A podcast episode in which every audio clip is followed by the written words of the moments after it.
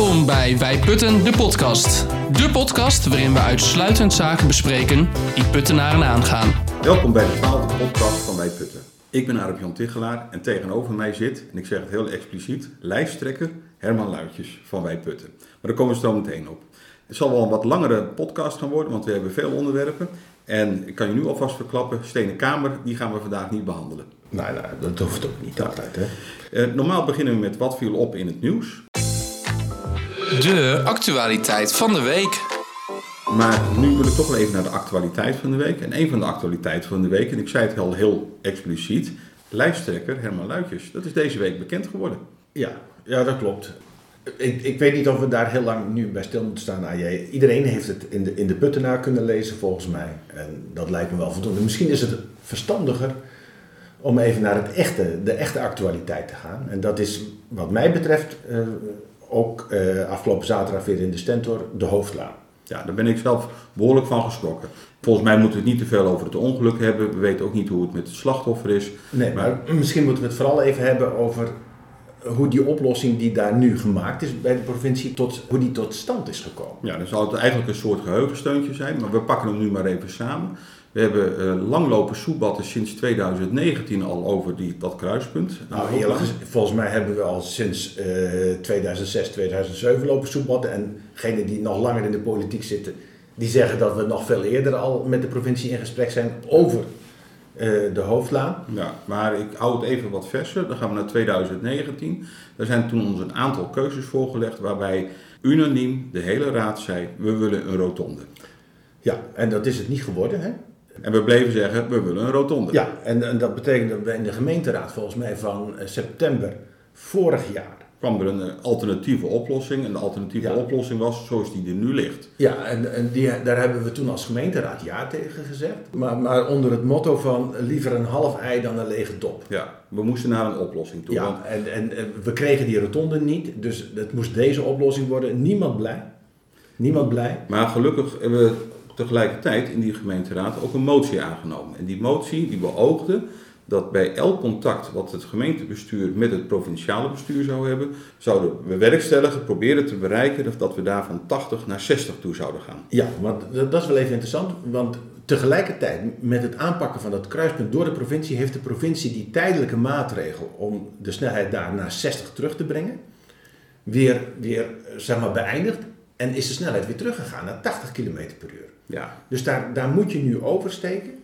Terwijl die auto's met minimaal 80 km per uur voorbij komen razen. Dat was september 2020. En daarna heeft Puttenaar en statenlid Leendert Lodder van 50 plus heeft nog eens een keer vragen gesteld. En een motie. Motie ingediend. In, en, in de provinciale staat in Arnhem. Hè? En uh, met onder andere daarin dat hij wilde bewerkstelligen dat het weer van 80 naar 60 zou gaan. Ja. En weet je wat de gedeputeerde, de verantwoordelijke uh, VVD Christiane van der Wal daarop zei?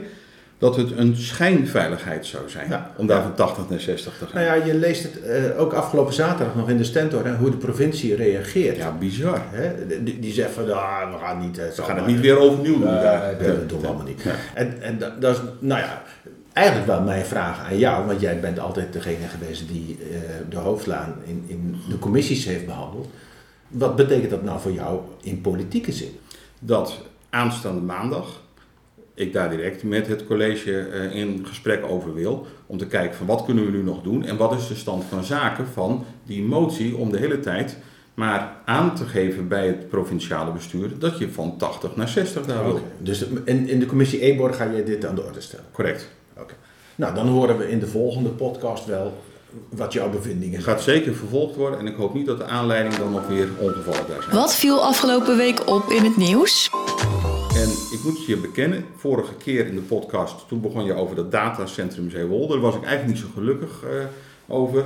Ik heb niet de regie hier in de handen bij de podcast, maar toch wil ik wel een beetje daarin sturen. En toen begon jij over dat het datacentrum wat in Zeewolde zou komen, of dat niet een maatje te groot was voor het gemeentebestuur om daarover te beslissen. Ja, ja en, en, en dat maatje te groot, hè, uh, dan bedoel ik Misschien nog niet eens zozeer ook de omvang ervan. Hè? Want ik bedoel, de afgelopen week weer heel veel in het nieuws geweest over nou. Zeewolde. En volgende week, eh, dat wil zeggen donderdag. Donderdag gaan ze besluiten. Maar over, besluiten, over, over, de omvang. Maar die omvang, 165 hectare. Hoe, hoeveel was de Henselaren ook alweer, waar we het over hebben? Uitbreiding bedrijventerrein? Ja, daar hebben we het over 7. 7 hectare. Maar En hier daar, over... nee, daar gaat het over 165 hectare.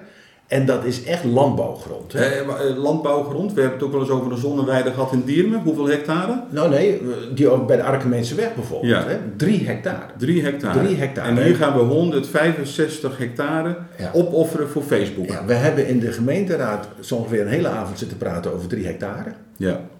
En eh, die, die, gaan, die discussie ga ik niet over doen. Ja, maar, dat ging maar we buikpijn, dus moeten we niet Ja, doen. Dat moeten we niet doen. Maar die, dat ging over drie hectare. Daar in de polder, aan de overkant hier van het Veluwe Randmeer, gaat het over 165, ik kan het niet vaak genoeg zeggen, 165 hectare landbouwgrond dat opgeofferd wordt aan een grote zwarte doos, waar je ongelooflijk veel energie in moet pompen. Ja. En daarom zei ik de vorige keer, is dit niet een beetje te groot voor één gemeente van, eh, nou eigenlijk dezelfde omvang als de gemeente Putten, want ze hebben daar ook 19 raadsleden. Ja, de Rijksoverheid vindt dat nu ook. Hè. Die, die vindt dat ze zich eigenlijk er ook mee moeten bemoeien. Ja, maar er viel me één ander ding nog op in dat interview, wat in de stentor stond met die wethouder van eh Zeewolde. Ja, die deed een krasse uitspraak. Daar wil je naartoe. Nou ja, die zei van, ja, A, zei die van, eh, het Rijk moet zich er niet mee bemoeien, hè, want, want dit, dit wisten ze allemaal al lang zat en we blijven binnen de, eh, Binnen de lijntjes kleuren. binnen de lijntjes kleuren. Als nou heel Nederland zich gaat bemoeien met deze discussie, hoe kan een raadslid dan nog zonder last en ruggespraak hier een besluit over En nemen? daar doel jij op. Last en ruggenspraak. En toen dacht ik, last en ruggespraak. Eh, eh, Weet die man wel wat er in de gemeentewet staat? Want ik snap dat de uitdrukking is zonder last en ruggespraak. Maar een gemeenteraadslid beslist zonder last. Maar mag natuurlijk altijd. Ruggespraak houden. Ja, ik bedoel, het zou, Ja. het zou een mooi boel zijn Ja. als die zich niet meer zou mogen laten informeren. Dus Ik denk Dus dat dat die- het die- DNA van wij putten is. Ja, dus, dus je, je zit daar zonder last. Hè? Je mag daar niet zitten in opdracht van iets of iemand. Dat is duidelijk. Ja. Maar die ruggespraak die mag wel. En, en dat is ook expliciet vastgelegd in de gemeentewet. Het zal de artikelen je niet mee vervelen. Maar het staat er expliciet in de gemeentewet zonder last. En die ruggespraak die kom je nergens tegen. Wat jij hebt aangedragen als punt eh, voor wat jou opviel in het nieuws, dat was de fipronilcrisis. En ik moet het even zoeken, hoe schrijf je dat eigenlijk, fipronil? Want dat is dit een woord wat je niet zo dagelijks hoort. Ja, dat, en dat was, het was zeg maar groot nieuws een, eh, alweer een tijd geleden. Hè? Lijkt dan weer op een geheugensteuntje. Ja, groot nieuws toen de tijd. En eh, dat raakte heel veel van die, van die kippenboeren. Heel veel eieren die toen doorgedraaid werden. Er was eens ook schaarste aan eieren, weet je het nog? En, en daar is nu een uitspraak van de rechter die eigenaren van dat bedrijf veroordeeld heeft tot een hele hoge boete. Kun je zeggen, nou, is, is, is dat nou iets voor deze podcast? Er zijn veel Puttense boeren zijn hier ook doorgedupeerd. die zijn door, hierdoor gedupeerd. En, je voelt hem aankomen dat als die eigenaren een hele hoge boete moeten betalen, dat er dan minder geld overblijft voor een schadevergoeding Ja. voor die gedupeerde boeren. En, en dat hebben ze ook ingebracht in die procedure. En eh, het Openbaar Ministerie zei niks mee te maken. Eh, en de rechter zei het eigenlijk ook. Niks mee te maken. Eh, er wordt hier niet verdiend aan illegale Aan activiteiten. crimi- criminaliteit. Dus, dus hoge boete. En nou ja, dat raakt zometeen hier wel ook, zeg maar, de, de, die kippenboeren hier. Ik heb zo meteen een vraag van de luisteraar dat het lijkt hierop. Maar als ik het even in mijn woorden mag zeggen. Twee bedrijven krijgen een boete. En de gedupeerden zeggen van ja, maar als je die boete moet betalen, blijft er dan nog wel geld voor ons over. voor de schadevergoeding. Voor de, voor Ja. de schadevergoeding. Nou, die snap ik hem. Ehm, stikstof, dat maakt de toekomst van Schiphol onzeker. Ja, zul je zeggen, dat gaat ook niet over putten. Nou, Nou, nou, ja, bij jou wel. Want Bij mij wel, vliegtuigen. Ja, vliegtuigen en Schiphol. Ja. Ik had hem eh, laten opvoeren nu om een andere reden. En dat is Lelystad. Want dan zul je zeggen, wa- waarom begin je nou over Lelystad? nou, dat snap ik wel. Want de stikstofruimte van Lelystad moest wegkomen Uit Schiphol. uit Schiphol. Maar Schiphol overtreedt nu al dus zeg maar, Maar Schiphol, de normen. ja, Schiphol heeft helemaal geen stikstofruimte. Sterker nog, er moeten 100.000 Ja, vluchten minder. minimaal geloof ik Ja. of zo. Hè? En, en dan moet heel Nederland moet 80 gaan rijden, geloof ik, of weet ik veel wat. Ja. Maar eh, de gedachte dat er intern gesaldeerd kon worden, zo heet dat dan zo Ja. mooi, hè? Tussen Schiphol en Lelystad. qua stikstofruimte. Ja, ja. Dus, dus eh, Lelystad gaat meer stikstof gebruiken, maar dat halen ze dan weg bij Schiphol, omdat daar minder gevlogen wordt. Hè? Die Ja. verplaatsen van die, van die vliegbeweging. Ja, dat kan helemaal niet. Want Schiphol heeft zelf de ruimte niet. Dus dat was even de reden dat ik dacht. Ja. En eh, Lelystad ligt wel weer dicht genoeg bij Putten om Putten te raken qua effecten. Nou en of, want dan krijg je een soort eh, laag aanvliegroute, vliegtuigen onder de 2000 meter. Nou, ik zal het... eh, Nou, besparen. vooralsnog in ieder geval niet. Hè. Maar, Nee. maar je weet dat als zo'n vliegveld daar geopend wordt en het wordt groter, Ja. dat die aanvliegroutes gaan wijzigen. En ik, nou, mijn angst is nog steeds dat er straks de Boeings eh, hier laag overkomen. Het zij om te gaan landen daar, het zij om daar te gaan vertrekken. Nou, dat is nu al zonder de open Lelystad, want ik zou je vertellen, vanmorgen vroeg, Had je, ja. Vanmorgen vroeg. Daar gaan we het niet meer over hebben. Je 2000 hebt er meter, weer- nee, ik, ik heb hem gezegd, 2000 meter over Putten. Goed, we gaan naar eh, trekkers toe. Ja. Peperdure trekkers schijnen gestolen te worden op eh, de Veluwe. Ja, en die schijnen uh, sommige linea recta dan naar Oost-Europa te vertonen. Ja, binnen acht uur zijn ze in ieder geval al eh, heel ver weg dat ze niet meer traceerbaar zijn. Ja. De boodschap is in ieder geval ook naar de agrariërs in Putten. Pas op uw trekker. eh, Wees zuinig op je spullen. Ja. Ja. En, en wat vooral de oproep was, Koop een hond. nee, wat vooral de oproep was, dan ziet u iets verdachts, meld het direct. Dat was het. Dus als je s'avonds laat om 11 uur een, eh, een dieplader met een trekker erop ziet, dan is er wat aan de hand. Dan, ja. Vorige week heb jij eh, nog iets verteld over de zelfbewoningvoorstel, wat de SGP ehm, in Nunspeet aandroeg. Die wilde aandacht voor zelfbewoningsplicht. En toen zei jij, want ik vroeg van wat staat er in ons verkiezingsprogramma, zei nou, daar kom ik volgende week wel op terug. Ja. Ja, en ik weet niet of je dat nu wil doen of zometeen bij eh, het, het, ons vaste item verkiezingsprogramma. Maar ik kan het ook nu wel zeggen. Kijk, want ook wij maken ons natuurlijk enorm veel zorgen over die woningmarkt. En daar waar schaarste is, moet je er in ieder geval voor zorgen dat woning geen beleggingsobject wordt. Maar een woning is gewoon een primaire levensbehoefte. Eh, d- daar moet in gewoond worden. En dat, dat is geen, geen Jij- jij zegt primaire levensbehoefte. Ik zou zelf, zelf zeggen, elke Nederlander heeft recht op wonen. Ja, nou ja, eh, daar zeg je, ja, je kijkt er heel, heel boos bij, maar dit, dit staat gewoon in de grondwet. Hè? Ja. Dat, dat we er overigens geen uitvoering aan geven is een schande natuurlijk. Maar het staat gewoon in de grondwet. in ieder geval ruim onvoldoende eh Ja, uitvoering. maar, maar ook wij maken ons dus zorgen over eh, eh, het tekort aan woningen. En dan moet je in ieder geval zorgen dat die woningen die er zijn, dat die in ieder geval beschikbaar zijn. En ook beschikbaar zijn voor die groep die het hardste die woningen nodig heeft. En dat zijn over het algemeen degenen die net beginnen. Dus in ons verkiezingsprogramma hebben we iets opgeschreven over het antispeculatiebeding. Ja, dat wil zeggen, als je een woning koopt, een nieuwe woning koopt, dat je daar ook een tijd in moet blijven wonen en dat je hem niet meteen binnen een jaar mag ver- verpatsen voor heel veel meer. Maar, maar dat die opgekocht wordt door mensen die eigenlijk alleen maar dollars in hun ogen hebben Ja. en die daar eigenlijk niet willen wonen. Eh, we hebben ook nog een instandhoudingstermijn. Misschien moeten we daar een, een, een ander moment voor kiezen. Dat is Nou, ook een ingewikkeld instrument, dat- maar dat is ook een, een beperking in het verkopen van een woning. Ja, je koopt een woning en dan wordt eigenlijk afgesproken dat je er een tijdje in blijft zitten. Ja, en als je hem verkoopt, moet je hem binnen de prijsklasse verkopen waar die in hoort. Ja, Dus, ja. dus daar zit een rem op als het gaat over de prijzen en daarmee de winst. Ja. En dan hebben we natuurlijk ook nog het verhaal van de zelfbewoningsplicht. En dat raakt dan weer ook eh, zeg maar het verhaal van de SGP in Nunspeet, maar ook de vragen die Joyce toen gesteld heeft over eh, die opkoopbescherming. Dus dat er niet grote partijen zijn die woningen gaan opkopen en er niet zelf in gaan wonen. En eh, nou, dat zijn dus de instrumenten die je bij ons in het verkiezingsprogramma tegenkomt. Want we willen eigenlijk het hele arsenaal gebruiken om vooral te zorgen dat de groep die nu hier in Putten geen woning kan krijgen, zoveel mogelijk wel aan zijn trekken kan komen. Nou, dat komt vooral omdat wij als eh, gemeente eh, maar weinig invloed kunnen hebben op die woningbouw. En de, zeg maar, alle registers uit de kast trekken om Ja. Wat we kunnen doen, dat dat in ieder geval doen. Ja, Overigens, eh, absoluut. het staat gewoon allemaal in het verkiezingsprogramma in, in hoofdstuk 1. Niet verwonderlijk hoofdstuk 1, want ik denk dat dat bij de verkiezingen, de gemeenteraadsverkiezingen, thema nummer 1 is. En dat gaat over wonen. Dat, ja, dat, dat merk je ook bij de andere partijen overigens. Maar ook wij hebben wonen bovenaan het lijstje staan. Wat niet in ons verkiezingsprogramma staat, is karbietschieten. En, daar- en daar hebben we het de vorige podcast over gehad.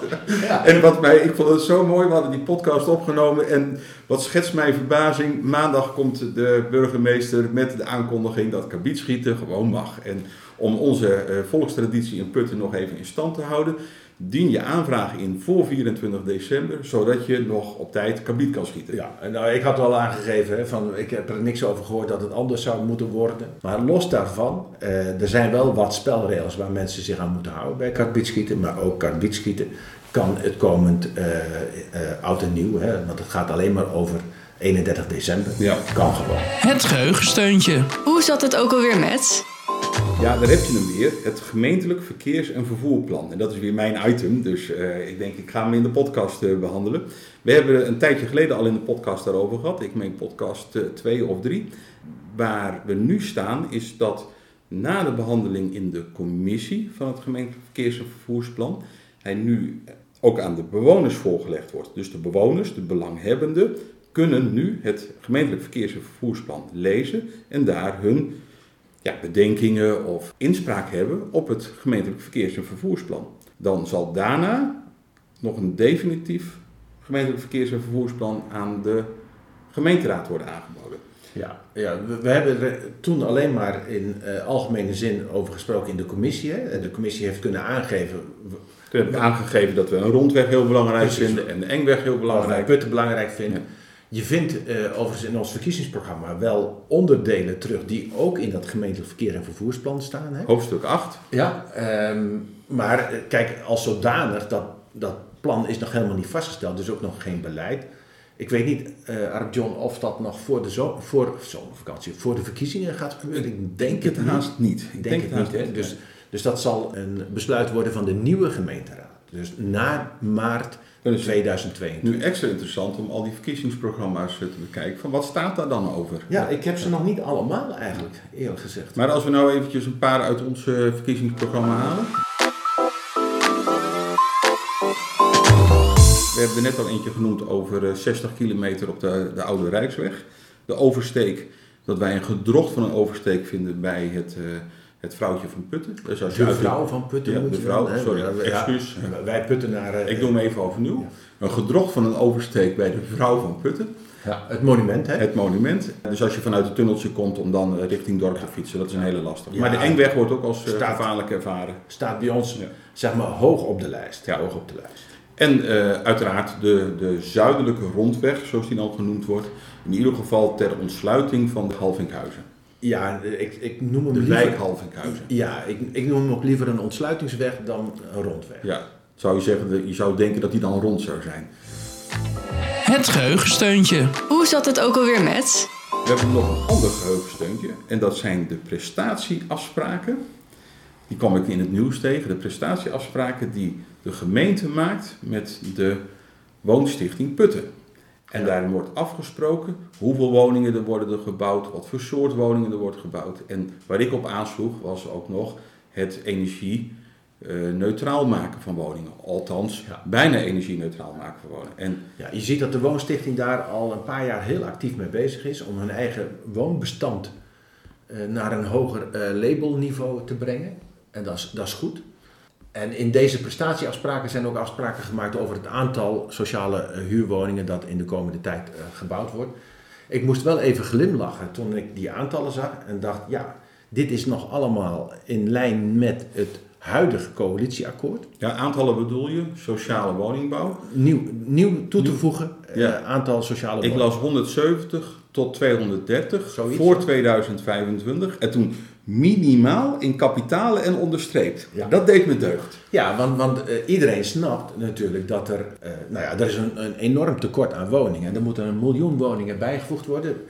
Volgende week wordt ook het eh, formatieakkoord op landelijk niveau Ja. bekend. En inmiddels is natuurlijk al lang duidelijk dat er zwaar ingezet gaat worden op 1 miljoen extra woningen. Daar komt ook heel veel geld voor. Wat is het mooier dan dat we dit plan meteen bij het Rijk onder de aandacht kunnen brengen en zeggen van nou, wilt u de onrendabele top er misschien voor ons uithalen? Want dan kunnen wij er ook 13, 1400 woningen extra aan toevoegen. Ja, aan dat, je, je zegt het gewoon even heel snel. De onrendabele top zeg je zo eventjes. Maar dat moeten we nog eh, wel uitleggen, denk ik. Wij moeten heel veel investeringen doen. En dat verdien je deels terug door die, die gronden te verkopen. Ja. Maar lang niet alles tegenwoordig meer. En hè, het is geen cash cow meer, hè, woningbouw, voor heel veel gemeenten. Dus dat kost gewoon geld. Nou, dan heb je bij het Rijk verschillende eh, subsidieregelingen gehad om dat stukje wat, wat dan te, Tekort wat, je, wat je tekort komt, Ja. compenseerd te krijgen door het Rijk. We waren eh eh, Halvikhuizen te laat voor die regelingen, maar we zijn nu keurig op tijd Ja. Om met de regelingen mee te gaan doen voor die miljoen woningen. En, Ik, ik heb ergens meegekregen dat de vraag werd gesteld, gesteld in de commissie of in de gemeenteraad van hoeveel vinden wij acceptabel dat we tekort komen op de wijk Halvinghuizen? maar goed, daar gaan we nu niet over hebben, dat is, Ja. dat is misschien te ingewikkeld. Ja, Maar wat, vanaf 2021 bouwen we in ieder geval al bijna energie-neutraal. En natuurlijk is nieuwbouw belangrijk, maar de grootste uitdaging is nu energiebesparing en verduurzaming van bestaande woningen, maar ook van nieuwe woningen. En Maar- ik, ja, wil hier en- een lans breken voor natuur-inclusief bouwen. Ja, want natuur inclusief eh, is ook een item wat je tegenkomt natuurlijk in ons verkiezingsprogramma. En dat kunnen we mooi toepassen op Halvikhuizen. Ja. We begonnen met die prestatieafspraken en die aantal. Oh ja, sorry. Ja, en daar wou ik toch even naar terug, want iedereen snapt natuurlijk dat we eh, eh, zeg maar de woningbouwproductie ook in Putten naar een iets hoger niveau gaan brengen dan we eh, gewend waren. Hè. Vier jaar geleden zaten we nog op de 80. Ja. Nou, ik denk dat we tussen eh, vier jaar geleden en volgend jaar nou, ongeveer op het dubbele gaan uitkomen. Dus ook Putten gaat dat doen en daar zal de woonstichting ook wel in mee moeten gaan. Ja, ze moeten niks, hè, want ze besluiten daar zelf over. Nou, dat is toch heel vastgelegd in die prestatieafspraken. Maar, maar ik ga ervan uit dat ze daarin meegaan. Want dit soort opgaves die er liggen, maatschappelijk gezien, daar kan ook een, een woonstichting de ogen niet voor sluiten. Nu zitten we al in deze podcast, Herman, eh, te, ehm, te ontluiken wat er allemaal in ons verkiezingsprogramma staat. En ik kan me voorstellen dat zeker nog niet iedereen dat gelezen heeft. Maar we hebben nog een nieuw item in deze podcast. En dat heet, wat staat er allemaal in het verkiezingsprogramma? Wat staat er allemaal in het verkiezingsprogramma van Wij Putten? En een van de punten die daarin staat, en dat is een best wel ingewikkelde, en ik heb vragen gekregen al vanuit mijn omgeving over het tijdelijk wonen op een recreatiepark. En Ja. ik leid me even als volgt in. Tegen mij werd gezegd, Arpion, ik snap er helemaal niks van. Eerst jagen jullie, niet wij putten, hè, maar eerst jagen jullie iedereen van die parken af. En daar wordt dan de nare benamingen voor gebruikt. En vervolgens gaan jullie nu aankondigen zo van, wij zouden eigenlijk graag willen dat er tijdelijk gewoond kan worden op recreatieparken. Ja. En Herman, dit verdient nadere toelichting. Waar denk ik iedereen het wel over eens is, is dat permanente bewoning op recreatieparken, dat we dat niet willen. En, daar, en dat is waar jij op doelde. Eh, en daar hebben we ook de afgelopen jaren, ik dacht vanaf 2014, zwaar op ingezet, ook als Correct. gemeente. Ja. Dus- Vitale vakantieparkenproject. Ja, En, en dat betekende ook dat we controles hebben uitgevoerd op eh, recreatieparken en mensen tegen mensen hebben gezegd die daar permanent woonden. Dat kan niet. Maar dat laat onverlet dat we eh, wel de mogelijkheid willen bieden om tijdelijk, en daar komt hij, om tijdelijk op recreatieparken eh, te wonen. Ja, hebben we En gezegd, nog- starters hebben we genoemd, Ja. puttenaren in nood, Ja, dus er is een groep hè, waar we dat voor willen eh, eh, mogelijk maken. faciliteren. En dat is staand beleid. Hè? Dat is niet iets wat nieuw is, maar dat is staand beleid. Dat, dat hebben we ook ergens, ik dacht in 2019, eh, met elkaar afgesproken. Alleen wat je ziet is dat er heel weinig gebruik van wordt gemaakt door parkeigenaren om een deel van hun capaciteit in te zetten voor tijdelijke bewoning. Ja. En wij hadden eh, eh, zwaar op gestuurd om de mogelijkheid te creëren dat parken in ruime mate, hebben we gezegd 10% van hun eh, woningbezit, mogen, tijdelijk mogen verhuren onder bepaalde Ja, voorwaarden. Dat is En- toen, toen vastgelegd in het beleidskader recreatie. Ja. Als mensen dat een keer terug willen zoeken. En om de mogelijkheden te bieden om recreatiewoningen tijdelijk te benutten. Voor alleen specifieke doelgroepen. Ja, specifieke doelgroepen tijdelijk. En onze redenering was als ieder park 10% van zijn woningen daarvoor eh, mag inzetten. En we hebben ongeveer 2500 woningen. Ja, Dan hebben we het ineens over 250 woningen. ja recreatiewoningen. Recreatiewoningen. En vervolgens heb ik nog gezegd, al de helft. Hey, ik ben al met de helft ook blij. Ja. Hè, 100. Maar het zijn er maar 19. Het, het waren de 17 in 2020, toen ben Ja. die brief af. En die 19 die vallen ons tegen. En wat wij in het verkiezingsprogramma hebben opgeschreven is... dat we eh, er opnieuw moeten naar kijken. Op naar de die voorwaarden. voorwaarden. Ja, we, we willen naar die voorwaarden kijken. Dus het instrument is er al, tijdelijk wonen op recreatieparken. Maar Ja. kennelijk hebben we onze voorwaarden zo scherp geformuleerd dat er maar heel weinig eh parkeigenaren gebruik van maken. Ja. En ja, dat zou eigenlijk meer moeten. Ja. En En dat is dan tijdelijke bewoning, zoals we ook tijdelijke huisvesting aan de Bijsterse weg gaan maken. Zoals we bij wijze van spreken ook tiny houses zouden willen doen. Ja. Allemaal in de vorm van tijdelijke bewoning om in ieder geval eh, het gat op te vullen totdat we een keer eh, voldoende, woningen. voldoende Ja. eh, woningen toegevoegd Ja, hebben. want die vraag kreeg ik ook wel vaak van waarom allemaal tijdelijk? En dat is, heeft alles te maken met van we willen natuurlijk gewoon normale woningen kunnen aanbieden aan onze bewoners. Ja, alleen die staan er niet morgen. Dus om dat Precies. gat op te vullen doen we tijdelijk. Nou, mocht het weer vragen oproepen, komen we er gewoon weer op terug. Zullen we Ja, dat het, is ook best een ingewikkeld verhaal. Ja. Dat, dat snap ik ook wel. Maar een volgende keer zouden we het ook zo over tiny houses moeten hebben. Ja. Nou, stenen kamer slaan we over. Jij hebt een vraag. Bij Putten zoekt het antwoord. Dan komen we bij de vraag van de luisteraar. En die vond ik al een beetje lastig. We kregen een vraag van een luisteraar en die ging over de miljoenen boete van de Belastingdienst. En ik probeerde de connectie met Putten te vinden, want wat is er nou aan de hand? De Belastingdienst heeft haar eigen regels geschonden. Die heeft namelijk aan een soort ja, eh, profiling gedaan en mensen vanuit een bepaalde ehm, eh, hoek ergens neergezet en zeggen van ja, dat zijn, dat zijn voor ons verdachten. Het, het ging vooral om mensen met de dubbele nationaliteit. Ja, nou, eh, dat zeg je heel netjes. En nu heeft de Belastingdienst, die heeft van de Rijksoverheid een boete gekregen. Het is toch heel raar, hè? Dus de overheid die geeft aan de Belastingdienst een boete. Ja, dus de waakhond voor de privacy. hè. Ja. Die, die, heeft, die heeft de Belastingdienst een miljoenenboete opgelegd. En de vraag, Wie gaat nou die boete betalen? ja, de vraag was... Nou, en, Wat en- voor gevolg, de vraag van de luisteraar, wat voor gevolg heeft dat nou voor Putten? Want ga ik nu als belastingbetaler in Putten Ja. meer betalen? Nou, wij hoeven de WOZ niet te verhogen, denk ik, hè? Nee, nee, dat gaan we Ja. niet doen. Ja, het is, het is een hoog eh, gehalte van broekzak, vestzak. Weet je hoe ze dat in dienst noemden? Nee. Librosa en rebrosa. Linkerbroekzak en rechterbroekzak. Oh, nou ja, maar da- daar gaat het wel over. Want eh, in wezen moet de Belastingdienst een boete betalen aan een ander overheidsorgaan die toezicht houdt op privacy. Dus het gaat van de ene broekzak in de andere broekzak. Ja. En het blijft allemaal binnen de overheid. Dus, dus eh, je zou kunnen zeggen, de directeur van de Belastingdienst kan een wat minder grote kamer voor zichzelf eh, reserveren als hij niet thuis werkt. ja. En dan gaat dat naar de directeur van Ja. de, de waakhond op de privacy, die dan weer een wat grotere kamer voor zichzelf kan maken als die ook niet thuis werkt. Met andere woorden, ik, ik zou er niet van wakker liggen. Nee, maar even voor de vraag van de luisteraar weer teruggekomen. Het, gaat ons als gemeente niet meer geld Nee, nee, maar de beeldvorming voor de Belastingdienst is natuurlijk wel funest. Ja. Laten we eerlijk zijn, want die gasten doen gewoon dingen die niet mogen. Ja. Overigens, eh, die vraag van de luisteraar bracht mij er wel toe, maar daar heb ik zelf geen antwoord op hoor, in hoeverre nou puttenaren geraakt zijn door dat verhaal van die toeslagenaffaire.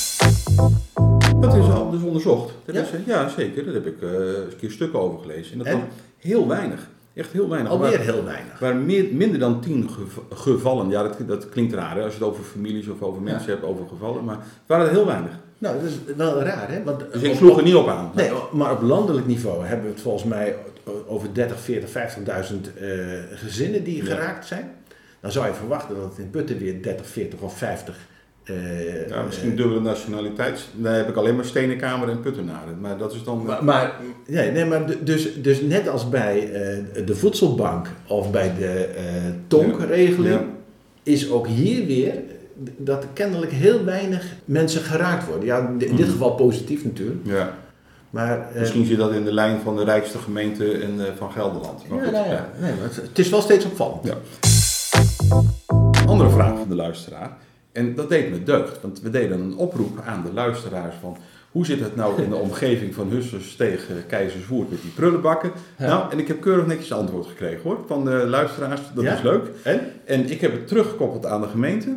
En die hebben dezelfde dag, verbazingwekkend, dezelfde dag hebben ze nog prullenbakken neergezet. Want het antwoord was, ze staan er niet. Ze staan er niet. Ja, ja dus ze stonden alleen maar bij een vrachtwagenparkeerplaats. Dus Ja. mensen die daar nu aan het wandelen zijn, die kunnen hun of het zwerfafval wat ze tegenkomen of hun eigen afval keurig netjes in een prullenbak deponeren.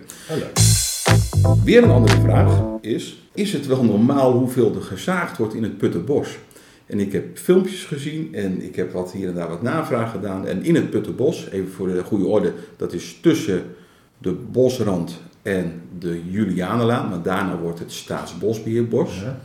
Eh, in dat stuk bos wordt ontzettend veel gezaagd. En, En is dat, is dat ook productiebos? Nee, hè? Of wel?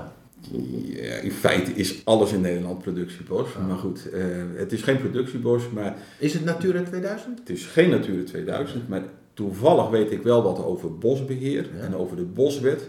Men mag 10% maximaal per jaar van de kruinen wegzagen.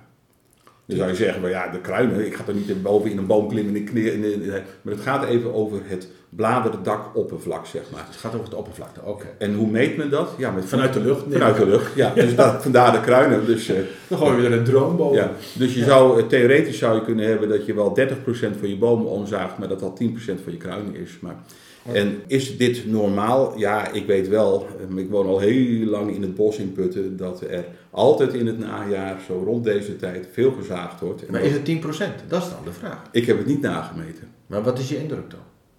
Mijn persoonlijke indruk is dat het binnen de norm is. Niet anders dan anders. Oké. Ja. Maar geen, niet, niet aanleiding om toch nog even te checken? Waarschijnlijk zullen we in de, in de commissie EBOR hier weer op terugkomen. De agenda. Wat kunnen we binnenkort verwachten? komen we bij de agenda. En de agenda, ja, ik wil nu maar even heel kort zijn. Komende week eh, commissie EBOR. En daarin staat onder andere eh, het centrumplan en de uitgiftebeleid voor de bedrijven Henslaren. En dat houdt in dat, Dat we... zijn die 7 hectare, hè? die- niet, niet ja, die 165. nee, hè? die 7 hectare. En daar, daar eh, kunnen dus bedrijven zometeen op intekenen, op stukken. En dan kan de gemeente zelf bepalen van ja, we willen toch wel een beetje een uitgiftebeleid hebben. Dat er geen bedrijven zometeen uit Amersfoort of Utrecht naar ons toe komen. En onze eigen bedrijven hier in Putten die klem zitten, die te klein zitten, niet meer kunnen verhuizen. Ja, dit onderwerp staat op de agenda omdat wij Putten bij de kadernota heeft gevraagd om dit te gaan agenderen. Omdat we een herhaling van Keizerswoerd Ja. willen voorkomen.